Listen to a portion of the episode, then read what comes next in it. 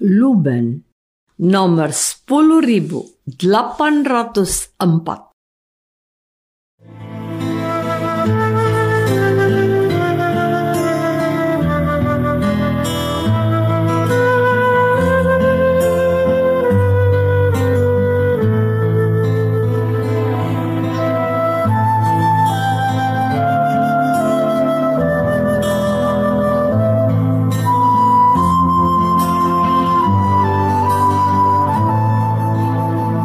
Saudara pendengar di segenap penjuru tanah air, selamat bergabung dengan Lumen Indonesia. Lumen Indonesia siap melayani Anda setiap hari. Saudara terkasih, marilah kita bersatu dalam Tuhan kita Yesus Kristus yang tidak berubah dahulu, sekarang, dan selama-lamanya. Allah Sang Maha Rahim mengasihi dan menerima sebagaimana adanya kita Allah Bapa kita di surga senantiasa bersedia menolong, menghibur, dan meneguhkan kita dalam menghadapi segala permasalahan hidup sehari-hari.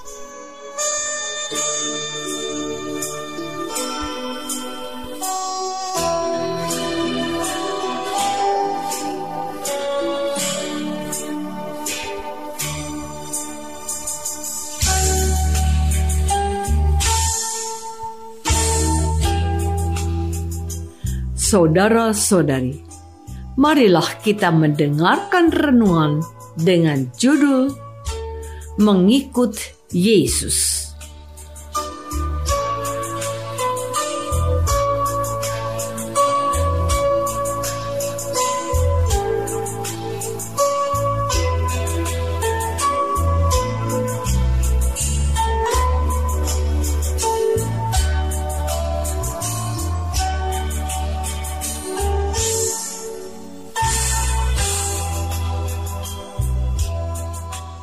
Yang berdasarkan pada Injil Lukas bab 5 ayat 27 dan 28.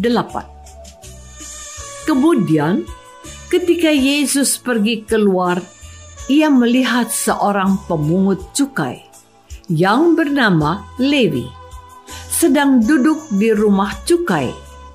Yesus lalu berkata kepadanya, "Ikutlah aku." Maka berdirilah Lewi dan meninggalkan segala sesuatu lalu mengikut dia.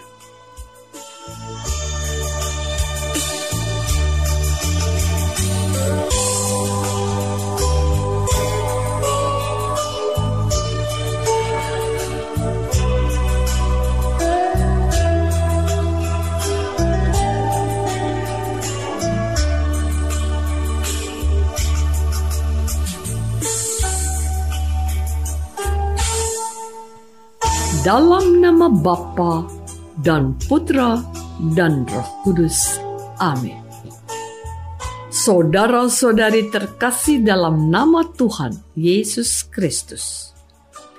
Pada suatu hari, Yesus melihat seorang pemungut cukai yang bernama Lewi sedang duduk di rumah cukai. Yesus lalu berkata kepadanya, "Ikutlah aku." Maka berdirilah Lewi dan meninggalkan segala sesuatu lalu mengikut dia.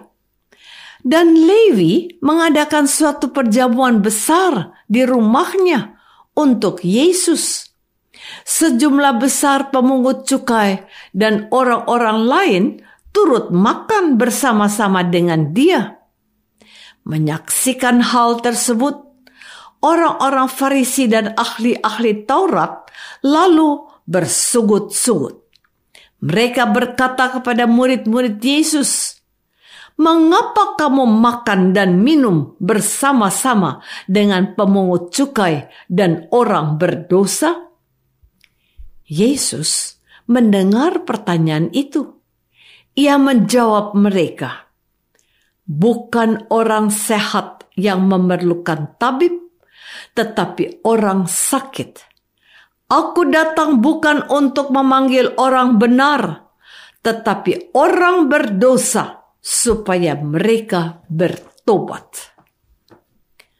Saudara-saudari terkasih, setiap orang merindukan terang kebaikan, termasuk kalangan orang yang dianggap berdosa oleh masyarakat. Meskipun merindukan terang kebaikan, perilaku kita belum tentu langsung dapat mengikutinya. Kita sering kali terikat oleh kebiasaan buruk yang menghalangi kita untuk mengikuti terang kebaikan yang ada. Kita lalu merasa diri kita kurang pantas menerima terang kebaikan dan turut bersyukur atas rahmat terang kebaikan yang sedang dialami oleh orang lain. Pada saat demikian, yaitu pada saat kita bersyukur atas kebaikan yang diterima oleh sesama, dan tidak serta-merta merasa diri sendiri juga pantas untuk menerima kebaikan serupa. Batin kita sesungguhnya terisi oleh rasa kasih.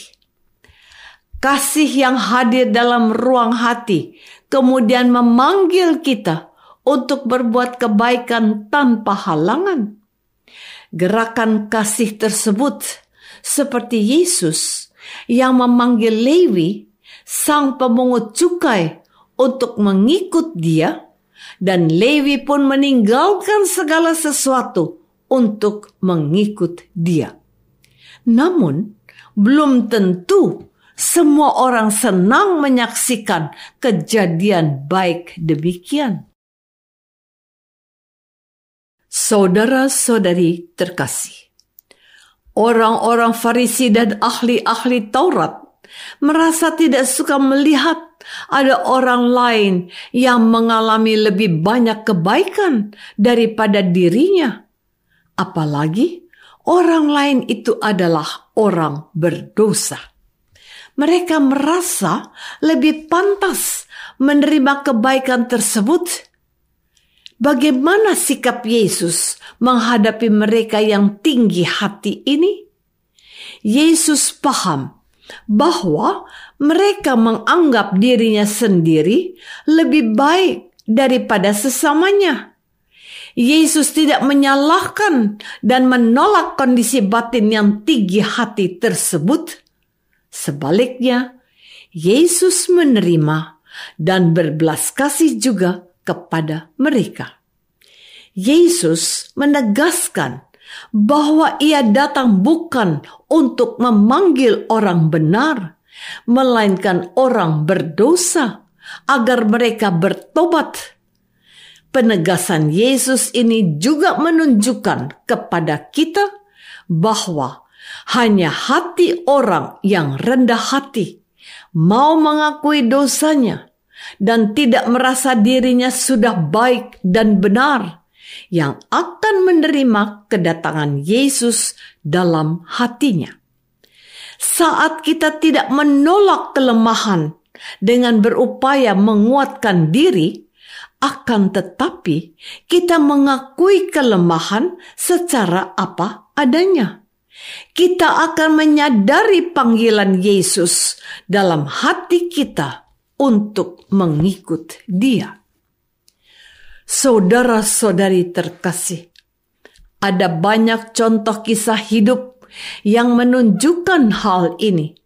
Di antaranya ialah kisah tentang seorang ibu yang berjuang keras mengubah perilaku kasar terhadap anak balitanya.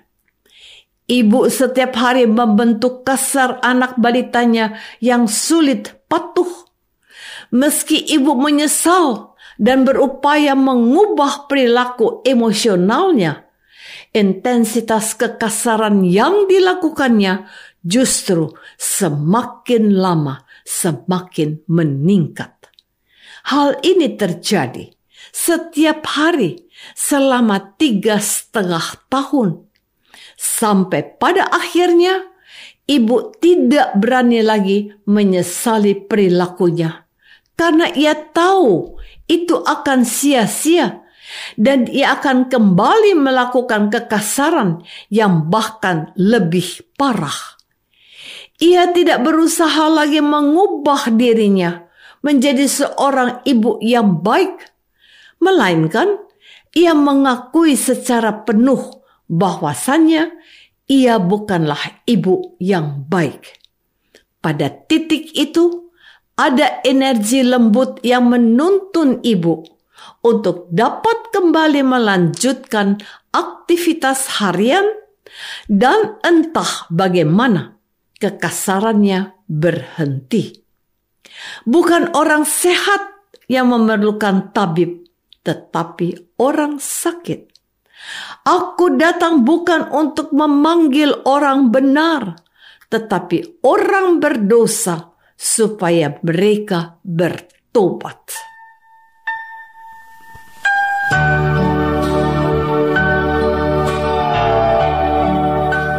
Saudara terkasih, marilah kita masuk dalam saat hening sejenak untuk meresapkan renungan yang baru saja kita dengar bersama dalam kehidupan iman kita masing-masing.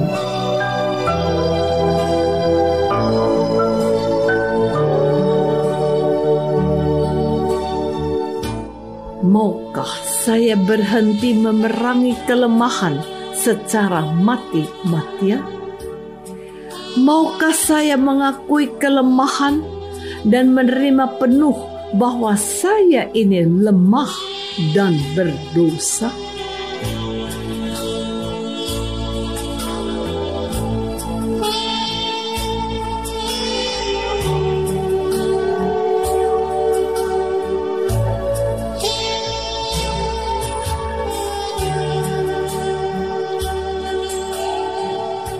Marilah kita berdoa. Yesus, terima kasih. Engkau mengingatkan kami bahwa Engkau datang bukan untuk memanggil orang benar. Kami sadar selama ini kami berjuang sendiri untuk menjadi orang benar. Kami memanfaatkan namamu dalam doa untuk menguatkan perjuangan ego kami kami telah berjuang dengan benteng pertahanan sendiri. Kami lemah dan berdosa. Terima kasih atas belas kasihmu selalu bagi kami. Amin. Semoga kita semua selalu dinaungi dan dibimbing oleh berkat Allah yang Maha Kuasa, Bapa, dan Putra dan Roh Kudus. Amin.